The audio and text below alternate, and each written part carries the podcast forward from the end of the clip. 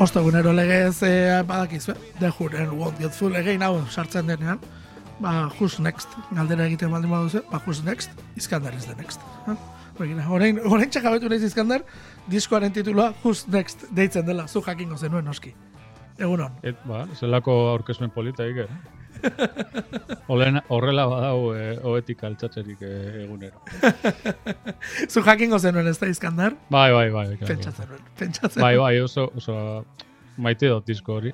Ba, Taldea ere, bai, baina disko hori berezikin. Nik uste dut euren diskografian e, nire kutu izango zela. No, nork ez du maite disko hau, esan nahi dut. E, gorroto duenik bada. Eta ez da izai txantxetan, eh? Nahi dut, de jure e, disko onda eta e, perla interesgarria daude. Eta gainera etxera sartu zaizkigunak barru-barrura, jo. Bai, bai, bai, eta jakin gabe, bai, bai, hala da.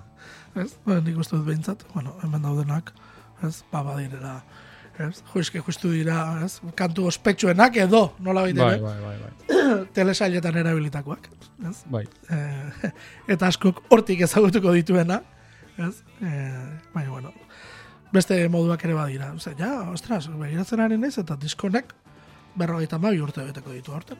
Eh, Bai, bai. Badira batzuk, eh? Bai, bai, bai, bai. Eta orain diseinu modernoa duela esan dezakegu, kasik-kasik. Bai, bai, edo bentsat hori izaten da horren beste bider, eh, ez da txarto... Zahartu. Eh, hori da. Bai, bai, kasu honetan bintzat. Ez, ze, orain mundu guztia teklatuetan eta jotzen ari den honetan, ba, Bai, bueno, gaur egon teklatu jotzaileak alere laseixago ibiltzen dira, eh? bai, bai, bai. Bueno, eh, Gabon partean ikusi nauen eh, eh, bulego, Bai, eta jakinda bulego ez dagoela eginda niretzako. Eh, gehien harritu eh, nau, nauena eta eta gehi, osea, gehien gozatu nuena izan zen justo teklatuko mutil hori, eh, teklatu jotzen duen. ba, berrira, aldaketa egon da oraintxe, pozik hartuko Bai. du. Berria sartzen denean, eta horrelako gauzak entzute baldin baditu, pozarren geratuko da. Bai, behintzat. ba, baitu, klar, ezin dut konparatu aurrekoarekin. Claro, zuk ez duzu aurreko ikusi. Zeko lan polita egin zuen. Begira, begira. Bueno, e, gaur atzera begirako egingo dugu. Bueno, esango dugu, irurogeita maikatik gertuago ibiliko garela, 2008 irutik baino, ez da? Bai, bai, bai, askoz gertuago. Bai.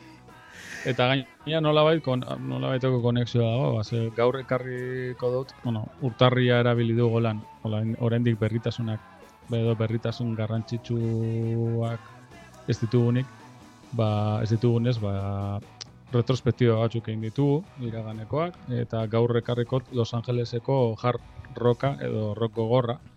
E, ez da holan gaur egun gai e, popular bat edo ez dakit.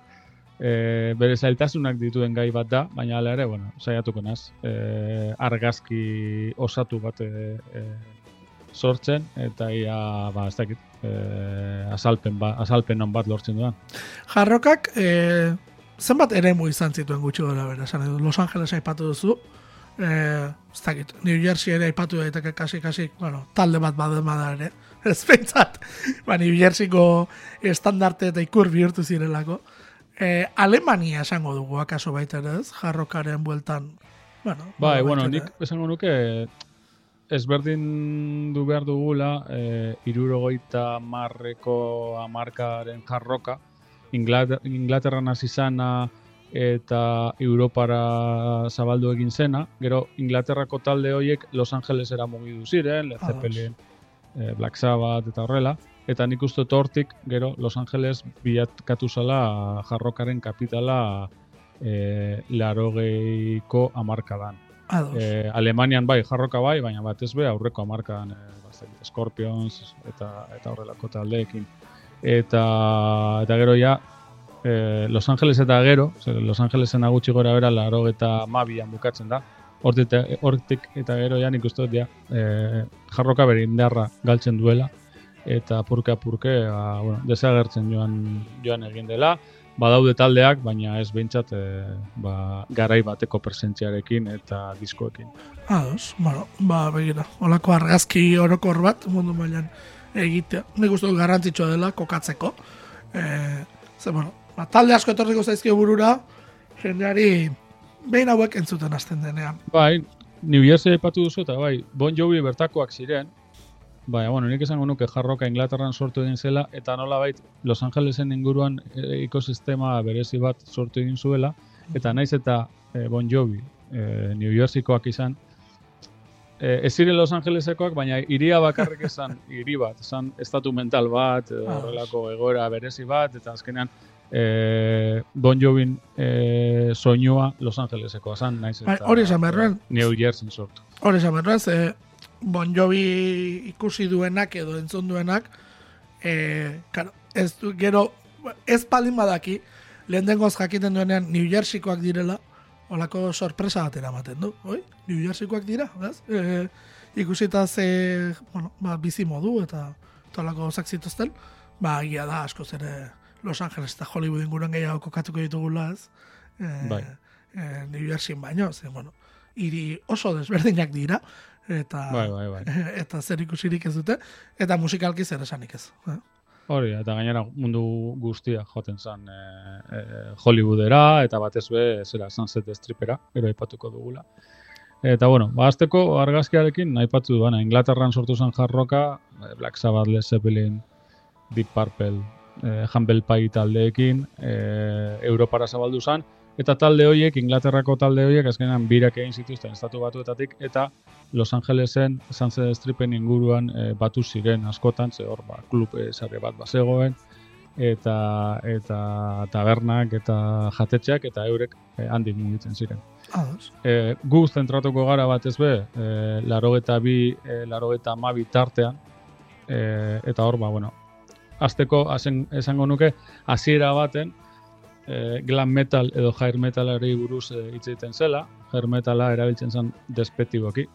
Ah. E, ba, zakit, lakan inguruko e, gehiagizko Bai, erabilera egon, egoten zelako, eta hortik dator jair metalena. Eta gero amaieran, nik uste dut e, generoa, generoak mutatu egin zuela purtsu bet, eta beste izen bat sortu zen hor, Sleazy Rock, zikinagoa, e, eta ja beste e, eragin batzuekin. E, oso estilo definitua izan zen, hasieratik amaiera arte, ba, gitarra oso zikina, punteo asko, ahots e, zorrotzak eta, eta latxak, melodiak beti pop kantarren e, klabean eratzen zituzten, azkenan popa zen. E, popa zen asko saldu nahi zutelako, eta azkenean, ba, bueno, bilatu zuten irratietan eta telebiztetan agertzea. E, gero gau osoko festaren ingurua, inguruko hitzak e, e, idazten zituzten batez ere, ba, fama, e, sexua, drogak eta gutxi gora bera, ba, rock and rolla bezala ulertu duguna. Eta janskera bitxia, ba, spandexa, maiak, e, laka, makillajea, e, inoz agian, e, inoz baino esageratuagoa e, izan zen guzti hori.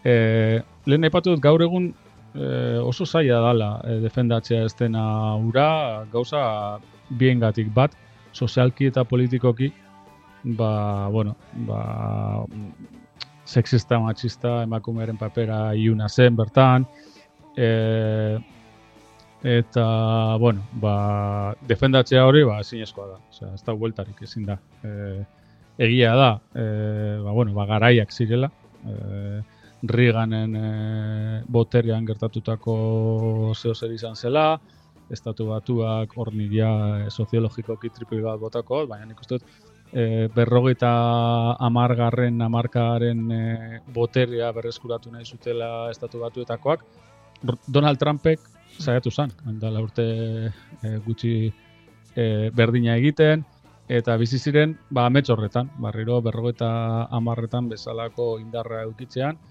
eta hor, ba, bueno, ba, sortu ziren hainbat korronte, hau izan zen bat, eta gero luzatu egin zen denboran e, asko eta monopolio izan zen, entibin e, denbora guztien e, talde berdinak agertzen ziren, eta talde ezberdinak baldin baziren berdina egiten e, agertzen ziren, eta hor, ba, bueno, ba, sortu zen olako etxai multzo handi bat, eta bertatik sortu zen e, grunge musika, eta Seattleko, Seattlego mugida hori, eta rock alternatiba. Bai. E, alde berean, ba, bueno, nik uste ja, apur bet ja ataskaute e, e, rock and rollagaz, ba, beste era batera sortu sortzeko aukerak e, zera, harakatu zituzten, eta hor ja urrengo amarkadan, larogei eta margarren amarkadan, ba, bueno, ba, ba estanda egin zuen, eta eta e, Los Angeleseko roko gorra, ba, ba purka-purke desagertzen, hasi izan. E, galdetu beharra daukat. E, glam roka esan daiteke jarrokaren aitzindaria dela? Ba, nik uste agian batera gertatu zela askotan, e, nik uste agian e, nola baiteko harreman azutela. Baina, bueno, glan roka agian ezin hain zikina gitarren aldetik eta esan hain gogorra, e, baina bai glam metala edo, edo jair metala hasiera baten, e, Los Angeleseko mugi dau, hortik datorrela. Osea, bien arteko nazketa batetik datorrela. Bai glam roka eta bai hard rock.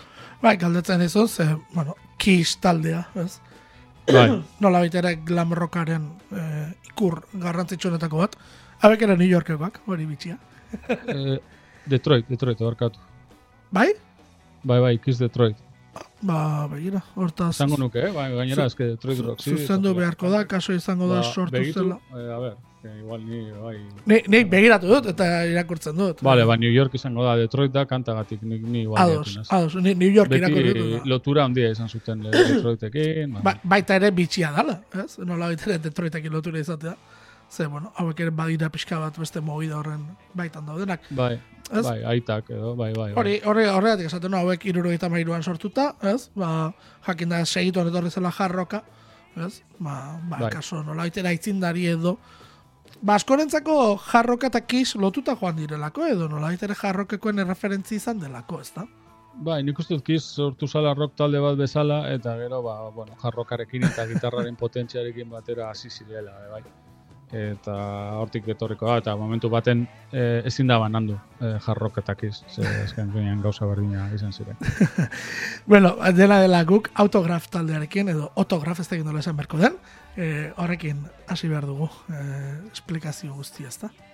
Bai, bueno, nik bukatzeko lehenengo ah, bai, hau izan dut, e, reggaetonetik jarrokera hainbeste kritika e, egiten saiola, Eta nik esango nuke, e, garaiak eta kokapenak kontutan hartuta, eta produktuak saltzeko estrategia berdinak e, jorratu direla, eta eta ana nik uste dut, paralelismoa dauzela. E, jarroka eta eta zera eta reggaetonen artean. Aztenean gazteentzanko e, hizkuntza jorratu zutelako sexismoa e, naiz eta hau ez izatea oso popularra agerian geratzen delako e, zera, estiloaren e, alde oso zabal batetan behintzat.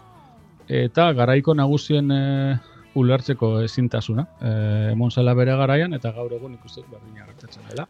E, e, Gaitu dia zaiogun horri, e, itxura zaintzearen estetika, ez? Bai. Ze estetika asko, asko, asko, asko zaintzen zen, jarrokean, ez? Hori ere bai. ikusten dut. Eta zuzenekoen showaren, e, zera hori, ez? Showak izan behar Jarroka showri gabe ezin da ulertu. Hori da, bai, bai, batera, zi joan. Eta hor agian nik rock radical basko, nengo gure movida, laro gai garren amarkakoa bebai aipatukot, ze e, nagusien ulertzeko ezintasun hori bebai, ba, bebai eman zuen, eman zen, eta nik askotan aipatzen dut, ba, bueno, ba, gure gurasoak kejatzen ziren, eh, lapoian e, kanten gatik eta itzen gatik, eta guk ejatuko garela, ba, ez dakit zer reggaeton artistaren e, letren gatik, baina, ez dakit, patroiak bene eta berriro errepikatzen direla. Bai, eta gero, e, begiratzen baldin badira zerrendak, ez, garaiko zerrendetan, ziurrenik goikaldean jarroka ebiliko zela, eta gaur egun goikaldean, ba, bat latino urbano hauek guztiak dabiltzala, ez da? Eta, bai, bai, Los Angeleseko jarroka industria bat jakatu zen eta eta bai, disko eta disko pilo bazaldu egin ziren, hori gaur egun diskoak saltzea, ez du esan oia handiri, baina bai gertatu egin zela. Ba, ba, gertatu ba, zera, oin, nik jorratuko ditut lau kontzeptu eta lau kanta antxongo ditugu. Lehenago kontzeptua da, hau zuretzako egiten dugu. E, zer esan nahi dut, ba, bueno, bideoklipak oso garrantzitsuak ziren eh, Los Angeleseko rock gogorrean, eta berezeiki, ba, hau zuretzako egiten dugu mototakoak. Hau da, e, zuretzako grabatzen dugu bideoklip hau, kontzertu moduen, kamera publikoa egon beharko luken lekoan e, ipinten dugu, zuk zure ongelatik edo zure logelatik gure kontzertu pribatura gonbidatuta zaude, eta gure kontzertuak jai bat direnez, ba, zu ekintzaren partea zara. Eta horregatik, ez dakit gogoretzen duzun, bai Bon Joviren eta bai talde askoren hori, ba, kamera zegoela publikoaren eh, aldean, eta era frontal baten, eszenarioan, taldeak kanta jotzen zuela, ez dakit zeman, mila aldiz, baina zu bakarrik ikusten duzu bat. Eta eta hori nik uste dut Los Angelesoko jarrokaren ba, alde nabarmen bat izan zela. Bideoklipak oso garrantzitsuak zirela, eta era horretan grabatzen zirela. E, bizarrapen e, bideo klasikoarekin nola baiteko erlazio ikusten dut nik.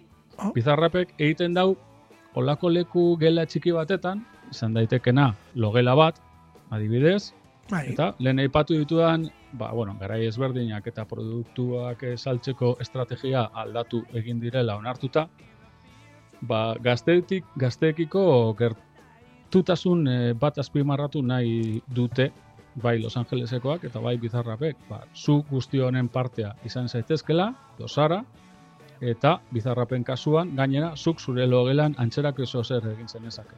Bai, Egia bai, da hori, gaur egun, hori aldarrikatzen da. Zer? Hori aldarrikatzen dela, eta erakusten bai, bai, dela. Bai. Garai hartan, klaro, industria ezberdina ezberdina zen eta e, entzulearen parte hartzea e, murriztitua zegoen, ze entzulea eroslea zen eta gaur egun bultzatzen zaio sortzera be bai, baina nolabait gonbidapena antzerakoa da. Zure nire kuartora etorri edo nire gela txiki honetara etorri, zure kuarto edo zure logelaren antza e, dauka. Eta garai hartan zen, bueno, ba, zuk zure etxetik mugidu gabe, kontzertu pribatu bat ikusten zenuela, edo zentzazio hori zeneukala. E, horretarako autograf taldearen Turn Up The Radio entzungo dugu, e, Sing in, play, in Play, barkatu, Sing in Please, e, laro eta lauko diskoan argitaratutakoa, taldea laro eta iruan sortu zen, e, super, oso harin e, RCA disketxarik kontratua lortu zuen, eta Turn Up The Radio, ba, bueno, ba, arrakasta itxela suposatu zuen taldearen txako, euren e, ibilbidean e, arraska, arrakasta handiena. Eta nik uste hau kanta agian entzun dugula, ze hainbat e, bideojokoetan eta pelikulatan eta agertu da, eta seguramente entzun da daukagu. Eta bueno, Turn Up The Radio, ba, piztu irratia esaten duenez, baina ikuste dut, ba, honek artea, ba, derrigorezkoa zela. Eta esango dugu, ez? e, nola ere, The Bagelsi kontra egiten dion kantu bat dela, zehar kesatu zen Video Kill the Radio Star. Hortaz, bueno, oraindik ere, egia da, jarrokak irratia sigisten zuela, eta duela, nik uste dut, zer oraindik ere, ba, ez da kasualitatea, jarrokak toki zabala okupatzea rock irratikateetan. Hortaz, entzuko dugu, autografen Turn Up the Radio.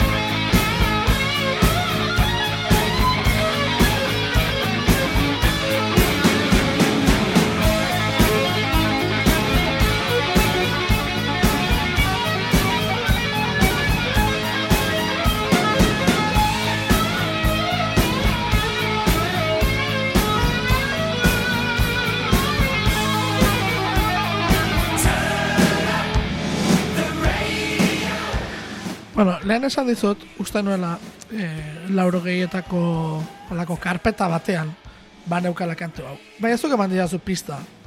Eta gero konturatu naiz ez ez. Eh, ondartza batean gidatzen. Entzun da dudala. Ondartza virtual batean. Eh, karo. Hor Grande ere, fauton. bai, ba, hor ere ordu batzuk emandakoa gara. Eta, Bai, bai, eta, eta hor, eh, ba, rock, ro- horko rock radio entzuko. Ziur, bo, hard rock radio, ez da? Nik uste dut hard rockaren, Zer zen, bai, bai zidin. bai, nik uste dut hard rockaren eh, irrati frekuentzia bat bazela, bertan. Bai, ba, zegoen, ba, Ez. Eta o- olako baten uste dut, eh, speakerra izaten zala Axel Rose edo agortzen zala. Ba, eski hor bat... Gauza eh, bereziak egin ziren, bai. Bueno, Bai. Eta, bueno, suposatzen dut, eh, egingo direla. Nik hori izan zen, eh, nik uste dut hasi eta maitu duan eh, grande foto bakarra. bu- bukatu duzu bueno. Nekaz, Hori bai, bokatu nuen. Oso... Nik hurrengoa ere ez. eh, urrengoa, oraindik, Oroitzapen onak ditut. Nik joko oraindik ere tarteka- tarteka oraindik ere San Andreas pizten dut.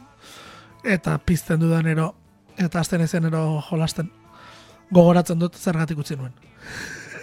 Badagoelako alako misio puñetero bat ez dudana pasatzen, eta esaten dut. Ah, ah, karo, honegatik ez duen jokatzen.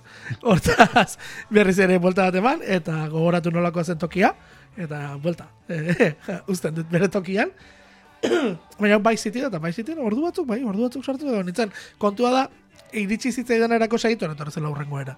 Eta Bai. deskubrimentu garrantzitsuenetako niretzat, eh? eta garai horietan e, soinu bandak ziren, esan nahi dut. Bai.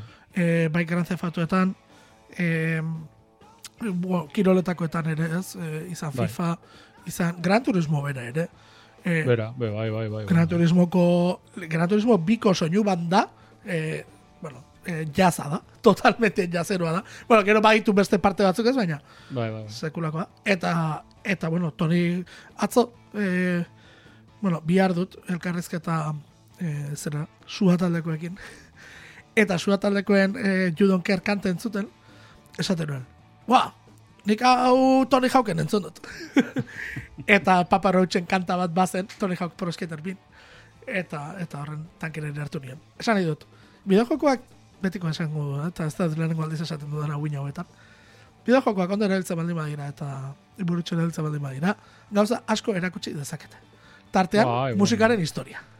Orokorrean tresnak, Iker, tres, tresnak ondo erabilita, hori ni beti esaten dut, tresnak ondo erabilita, bueno, martillo bat eh, bere gauzetarako erabiltzen baduzu ondo, baina gero beste tipo bateri buruan joteko erabiltzen baduzu, ba horrazten dira arazoak. Hori da. Bideojokoekin, eh, Whatsappekin, Twitterrekin, daner, danekin, berdin.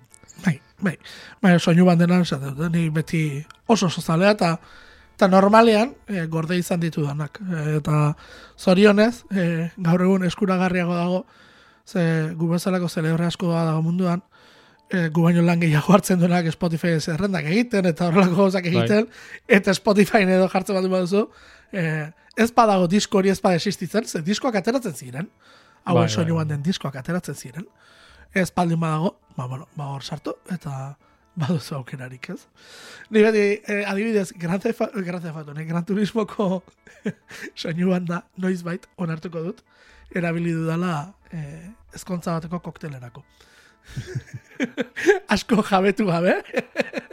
Bate batek arraro begiratzen zizun, eta orduan esaten ziren, ah, honek ere jokatu du. Bai, bai. baina, baina, bueno, erabiltzen nuen izu. Bueno, ala, ne, guazen gurera, ze jarrokaz Bai. ari ginen, eta jarrokeko bigarrena referentzia ekarri diguzuna, bueno, rat taldea da. Bai.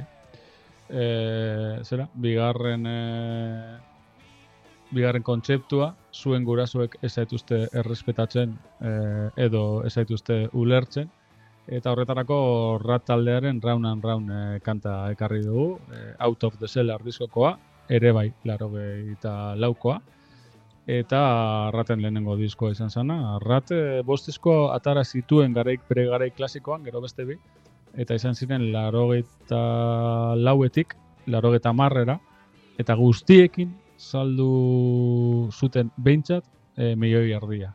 E, baten bategaz, e, iru milioi baino gehiago, hau da kasua. Zanbaki Eh, potoloak. Out of the Cellar diskoarekin iru milioi bai, e, disko saldu zituzten. Estatu batuetan, handik kanpo, ba, gehiago.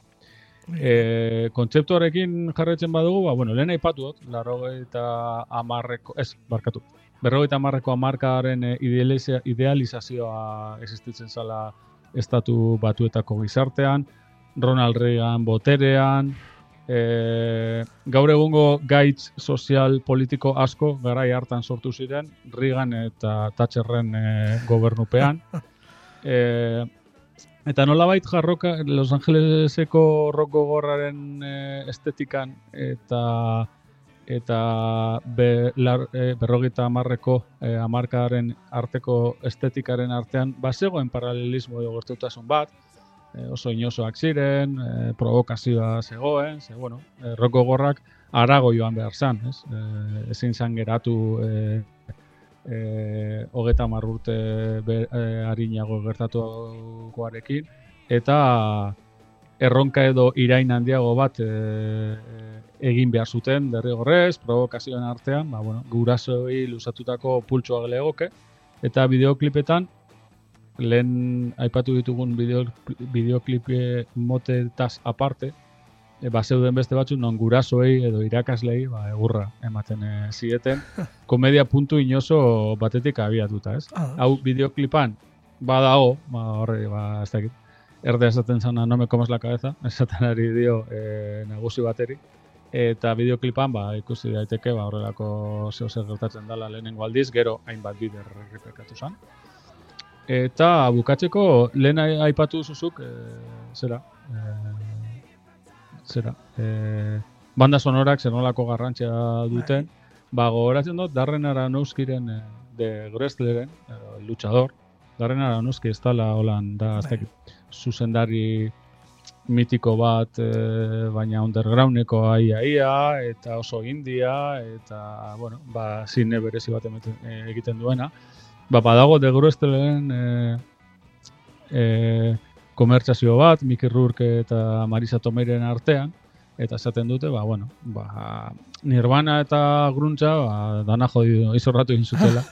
e, ze e, aurrez aurretik egon ziren taldeak, rat, e, Guns N' Roses eta horrelakoak askoz e, hobeagoak eta divertigarriagoak ziren. Eta justo e, Round and Round kanta entzuten da, e, azten horretan, eta azten dira kantatzen eta antzatzen biek. Eta ba, pentsa, horbe bai agertzen ziren, eta hainbat e, telebista anuntziotan agertu dira, eta seguramente e, Grande Fauton nik esan nuke ere bai, agertu zirela rateko, ratekoak. Bueno, hemen e, bizi bizi aipatu, ikusi mesedez sartu beren e, formazioan, e, ez dakit talderik egongo den, e, hainbeste jende pasadenik munduan, e, ze, bueno, boskote bat behar lukena, bueno, ikusten ari naiz, bo, boskote bezala funtzionatu duen talde bat, e, arretuta nago, zenba jende pasaden, e, hogeiti gorako zerrenda dago taldean, eta gainera gero estizio ere existitu da, badirudi, ez, ba, taldeko bateria jotzaileak bere taldea ere sortu zuela, Bobby Blotzerrek, e, bueno, hori guztia, e, jarriko du, gala, estekan edo olako zerbait, zemen bestela informazio honekin egon gaitezke bihar arte. Entzongo dugu, Run Around, sanda ezela, Rat taldearen Out of the Cellar diskotek ateratzen dena.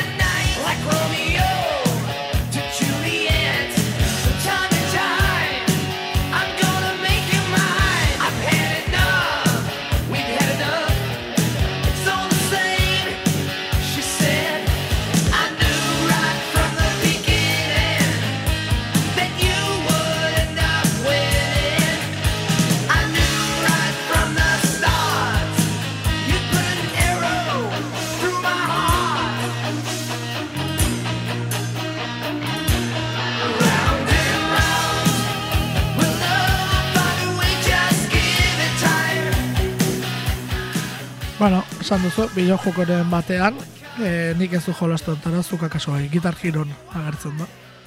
E, ai, barkatu izkandar, orain bai. Bai, eta rock banen, seguramente. ere. E, bai, rock banden ere bai, bietan agertzen da.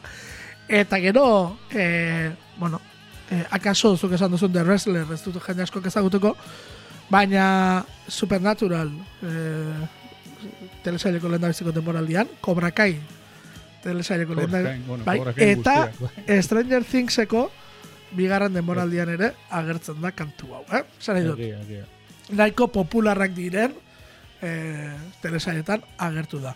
E, ez ezagunako diren, Billy eta Mandiren e, kredituetan ere, Billy and Mandy e, Save the Christmas. Bueno, The Great Adventure of Billy and Mandy. Ez badituzu ezagutzen Billy eta Mandy, barrazki izuen komendagarria dira, eh?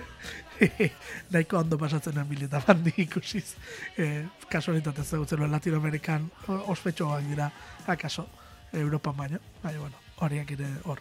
Ba, begira, zenbat tokitan ibiltzen den kantu bat, akaso ezagun egia izan ez, baina garaiko zuzendarietan eta garaiko musikan eragina izan zuela nabari dela, ze, ze bestela, bueno, ba, etzen horregon gozuk esan duzuna, iru milioi disko ez dira alperrik saltzen. Bai, eta bueno, rat ez dira ezagunak gure ingurunean, baina bueno, e, Motley Crue bai. Bai, ezaguna. Eta, bueno, hasiera baten rat eta Motley Crue ziren, ba, Los Angeleseko rock gogorraren e, aurpegia. Ados. Eta bia batera, aipatzen ziren e, beti, gero ez dakit, ba, agian e, Motley Crue Europara gehiago heldu ziren, edo ez dakit, famatuago egin ziren. Eta, eta rat, ba, bueno, geratu zen hor erdi bidean, bentsat estatu batuetan oso ondo dira, Motley Crue bezala, baina Motley Crue antza Europan ba, e, fama gehiago lortu zuten. Eta gauza kurioso bat, e, rat e, Round and Round lyrics e, bilatzen baldin baduzu Googleen, e, Imagine Dragonsen kanta bat agertzen da, ze Oh. badaukate Round and Round izeneko kanta bat uste, baina agertzen dan e, kanta ez da, ez da ratena. Ados, ados, bueno, ba, adi, hili horrekin ere, eta, bueno, ba, egongo da lirik bideoren bat, ba, baldin baditu bat batek le, letrak nahi baldin baditu, ba, hor izango dira. E, bueno, arrana arranden portadarena ere, e, analisi alako e, soziologiko bat egitekoa, eh? hori ere ipatu behar. Ba, jarrokaren irudioietako bat. Sua, larrua eta emakume bat. Esan dut. Eta letra gorriak. Eta ratoiak eh, arratzen ez ba naiz, ez? Eh, ez dakit, banaiz. eh, diskoaren arakaso bai, ni eh, justu ari naiz eh, zera zen, singelaren portadaz. Hori ikusi dut, baina, bueno, bueno, esan dut, eh, holako gauzak ba, zirela, ez? Lehen aipatu duzunaren arira, eh, horrek eskandalatuko du baten bat, baina, baina normala ere bada. Jarrai ezagun, hauek bai, hauek ja, bueno, mundu guztiak ezagutuko ditu eta gainera, justu disko hau, eh, nik uste dut izan zela, ba, mundu mailan. Pero, bueno, oraindik ere kamisetak eh, batez ere disko honenak ikusten direlako, ez da? Bai, bai, bai. E, bai, ezera, e, lurrikarra, e, barkatu, lurrikara etortzen, eta hori izango da urrengo, zera, e, esploratuko dugun urrengo terminoa, eta Guns N' Rosesen e, Appetite for Destruction e, oinarrituko gara, laro eta zazpikoa, kanta, entzungo dugun kanta Think About You da, ez dago e, azalpen e, berezirik, baina, bueno, ez da e, normalean ipintzen dena, eta, bueno, disko hori, ba, amarretik amar bat denez, ba, nik uste dut Think About You bai, ba, entzun behar dela irratian, eta ez dala askotan e, gertatuko. Eta, bueno, e, lurrik, lurrikara zergatik etorri zen, ba, bueno, e, Los Angeleseko roko gorra nola bait imperio baten bilakaera izan zuen, edo antzerako bilakaera bat izan zuen, sortu, hasi, e, erraldoia bilakatu zen, dekadentzia etorri zen, eta azkenean, ba, bueno, amaiera etorri zen. Eta amaiera horri lehenengo kapituloa Guns N' Rosesen e, son, sorkuntzarekin e, etorri zen. E, non gertatzen zen guztia, lehen ipatu dugu, zen Strip e, kalean, e, West Hollywooden. E, bueno, leku kuriosoa, e, ze pasadan mendeko e, hogei garren e, amarkadan, e, zera, jolasa ilegalak batzen ziren e, bertan, handik gutxira gangsterrak eta zera, e, zera, zine eta literatura beltzan e, protagonistak, e, irurogeiko e, amarkadan zinea eta roka heldu ziren, kontrakultura, eta hor ja lasterrera, ba, bueno, ba, Led Zeppelin, Black Sabbath, eta horrela, finkatu ziren Rainbow Whiskey edo Viper Room bezalako e, klubetan, eta e, ba, bueno, bertan e, hori izan zen kapitala Los Angelesen, Los Angeles kapital mundiala, eta Sunset Strip Los Angeleseko kapitala e, roko goranen inguruan. Eta zer gertatu zen, ba, bigarren e, belaunaldi bat e, aiegatu zela Los Angelesera, e, goze gehiagorekin, eta, eta ja purtsuet, ba, bueno, kolapsaute, ze talde gehienak klonak ziren, aurreko taldeen klonak ziren, eta olako baten heldu zen eh, Guns N' Roses eta Appetite eh, for Destruction eh, diskoa grabatu zuen eta hor nik dut ja glam metala eta edo hard rocka ba, bueno, ba, hor gelditu zela ja, ze asko zarago joan ziren. Eta disko historiko bat argitaratu zuten eta izar erraldoien e, parean kokatu ziren Guns N' Rosesekoak. E, lehen aipatu duan, ba, bueno, ba, roko gorra Los Angelesako roko gorra ba, asko edo gehiegi luzatu egin zen denboran, e, etxai asko irabazi zituen, eta Guns N' Roses nola baita etxaiak ziren ere bai, ze apurtu nahi zuten e, ereduarekin, e, nahiz eta, bueno, e, oso ezberdinak ez izan, baina, bueno, Guns N' Roses izan zen lehenengo pausua, e, ja, e, zuntzipeneko bidean, gero, ba, rock, aipatu ditut lehen, rock alternatibo edo grantza etorriko ziren, eta bueno, hala ere bueno, Guns N' Roses eh, heldu zirenean, ba bueno, sekulako lurrikarra suposatu zuen, milioiak eta milioiak saldu zituzten eta handik lau urtera, 81an, eh, Use Illusion diskoak argitaratu zituztenean, ba ziren izar mundialak eta ia ia eh metalikarekin batera, ba, top bat eta bia ziren gara Begira, hemen eh, diskoa izan dugu, Appetite for Destruction diskoa. Eh, Welcome to the Jungle eh, mitikoak irekitzen duena. Eta B aldean, Sweet Child of Mine, baino lehenago, hortxe dator. Hau, Think About You deitzen dena.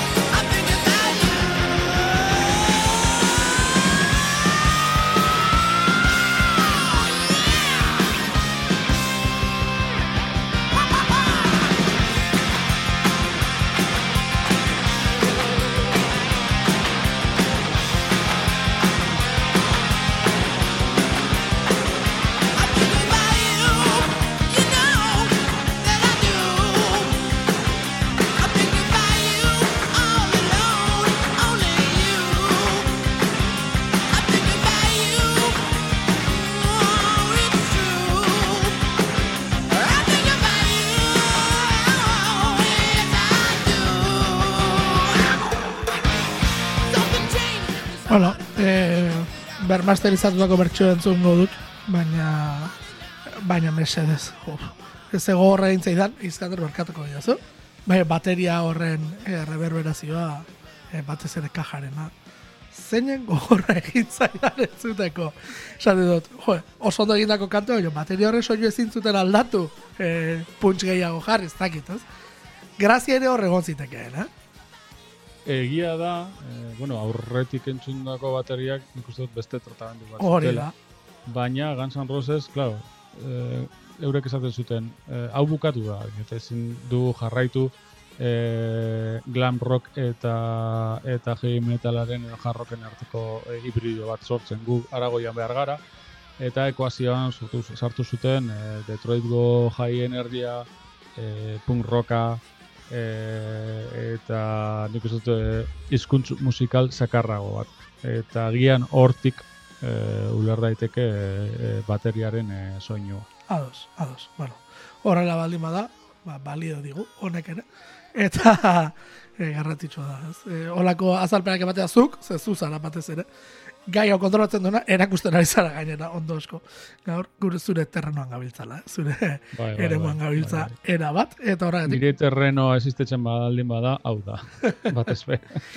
Bueno, eta e, bukerarako, e, esango du, ez? E, utzi dugula, ba, love-hate, e, maitasuna eta gorrotoa, ez? E, bueno, hori ere, e, zera, e, love and hate, e, negu gorriak ere erakutsi zigun, ez? E, nola zegoen, ez? E, ukabiletan, bueno, ukabiletan, bai, ukabiletan. Tatuaturik, bazituela baten batek, bai, la, dau pelikula bat, eh, La noche del cazador, eta Mira. bertako pertsonai nagusia. Eh, per, bertako pertsonai nagusiak eh, tatuatuta du eh, love eh, esku batetan, bueno, nudilloetan. Da. esaten da nudillo ba, euskaraz. askozkoak esaten du, ba, e, Askozko- ba, askozkoak, askozkoetan, baino- deko baten love eta bestean.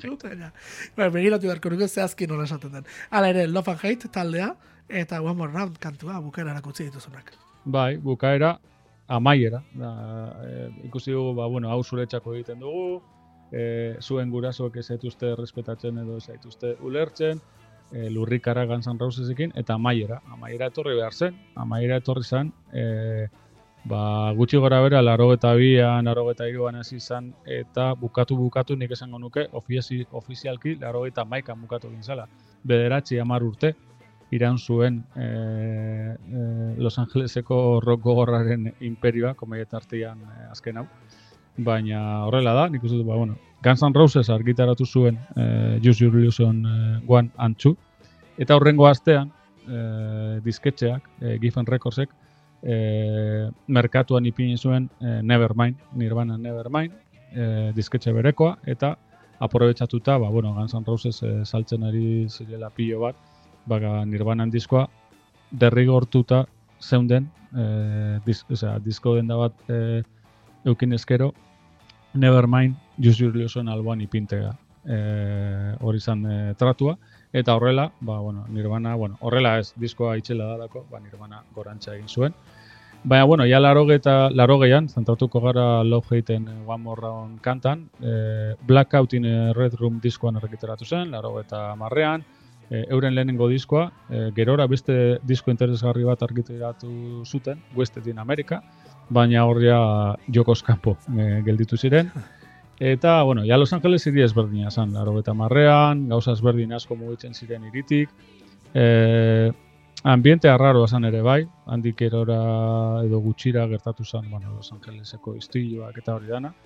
Baina, bueno, laro eta marrean Los Angelesen musikalki bai, mugitzen ziren, adi- adibidez, James Addiction, Red Hot Chili Peppers, Nine Inch Nails, eta seguramente Rage Against the Machine nortik egon zen ja sortzen. Así que ikusten zen, ba, bueno, ba, aldaketa bat emon behar zela, ze jendea, ba, aspertuta zegoen, e, betiko diskurtso musikalaz, eta Guns N' Rosesek hasitako aldaketa, Appetite for Destructionekin, ba, bueno, beste talde batzuekin jarraipena izan zuen, glam metala edo high rocka nolabait alderatu zuten, eta sleazy rock eredu berri batera pasa ginen, ba, eh, sleazy rock e, sakarragoa zan, e, zorrotxagoa agian, e, zikinagoa, eta e, eragin ezberdinak e, ja ekarri zituen, lehen ipatu dugu zelan Guns N' Rosesen ba, eta eta high energia eta horrelako gauzak agertzen ziren, eta bueno, beste talde batzuetan, ba, bueno, funk e, soinua bai sartu zituzten, edo, bueno, punka bai, bueno, a, gauzak aldatzen ari ziren, eta eta maiera etorri behar zen, eta bueno, ba, ba, ba etorri zen. Hor gertatu zen gauza niretzako artikulu bat merezi duena, eta bai. nik eh, gazteleraz el síndrome del disco en el cajón, e, izenburua esarriko esarri niokena. Eta zan, ba, bueno, hor gelditu zirela talde asko, ba, euren lehenengo disko argitaratu behar zela, laro eta maikan, laro eta mabian, baina, klaro, nirbanaren ostean, horrelako talde baten e, disko argitaratzea, zeukan niñako zentsurik, eta oso disko potenteak eta onak gelditu ziren kajoien sartuta. E, ba, bueno, ba, paradigma aldatu egin zelako, azte, bat, azte baten, ze, bueno, esan dut, e, zelan Use Illusion argitaratu zen, urrengo astean Nevermind, eta paradigma hor aldatu zen, azte batetik bestera. Así que, bueno, oso gauza kuriosoa zenbat disko kajoian gelditu ziren, ontsa gogoratzen dut, ba, Young Jar bezalako talde bat, ba, bueno, bere euren bigarren diskoa ikusi behar zutela argitaratuta garai hartan eta zelan gelditu zen erdibidean edo San Franciscoko behin taldeak bebai baseukala beste beste disko bat argitaratzeko eta hor gelditu zen, e, paria, bueno, badoz taldeak bai. hor gelditu zirenak eta oso fenomeno kurioso izan zela. Eta, bueno, low jaiten e, e, kantari begira, ba, bueno, hor ja e, ekoizpenean aldaketak etorri ziren, funk e, ez doinuak, baina bai basua jotzerakoan eta grabatzerako tratamenduan eta lan ikusten zen ba beste e, eragin batzuk zeudela airean eta bueno ba zeukan zentzua amaieran e, smell like teen spirit e, e, entzutea baina bueno love hate talde ez tanez oso talde ezaguna eta one more round eta blackout in redrum disko puska bat danez ba, One More Round kantan txungo dugu. Ba, horrekin bukatuko dugu, ibilbide dotore askoa. Bueno, ba, izu izkantar. Eman digu, zer repaso polit bat jarrokaren inguruan, eta gainera, ba, bat talde batzuk ezagutzeko parada ere, bai. Hortaz, beste behin, eskerrak emate baino ez gure partetik. Mila esker gurekin izatearen, eta datorren astean itxarango zitugu. Ba, iker, eh, eskerrik asko zuei, bezarka bat, eta horrengo astean gauz. Onda izan. Agur.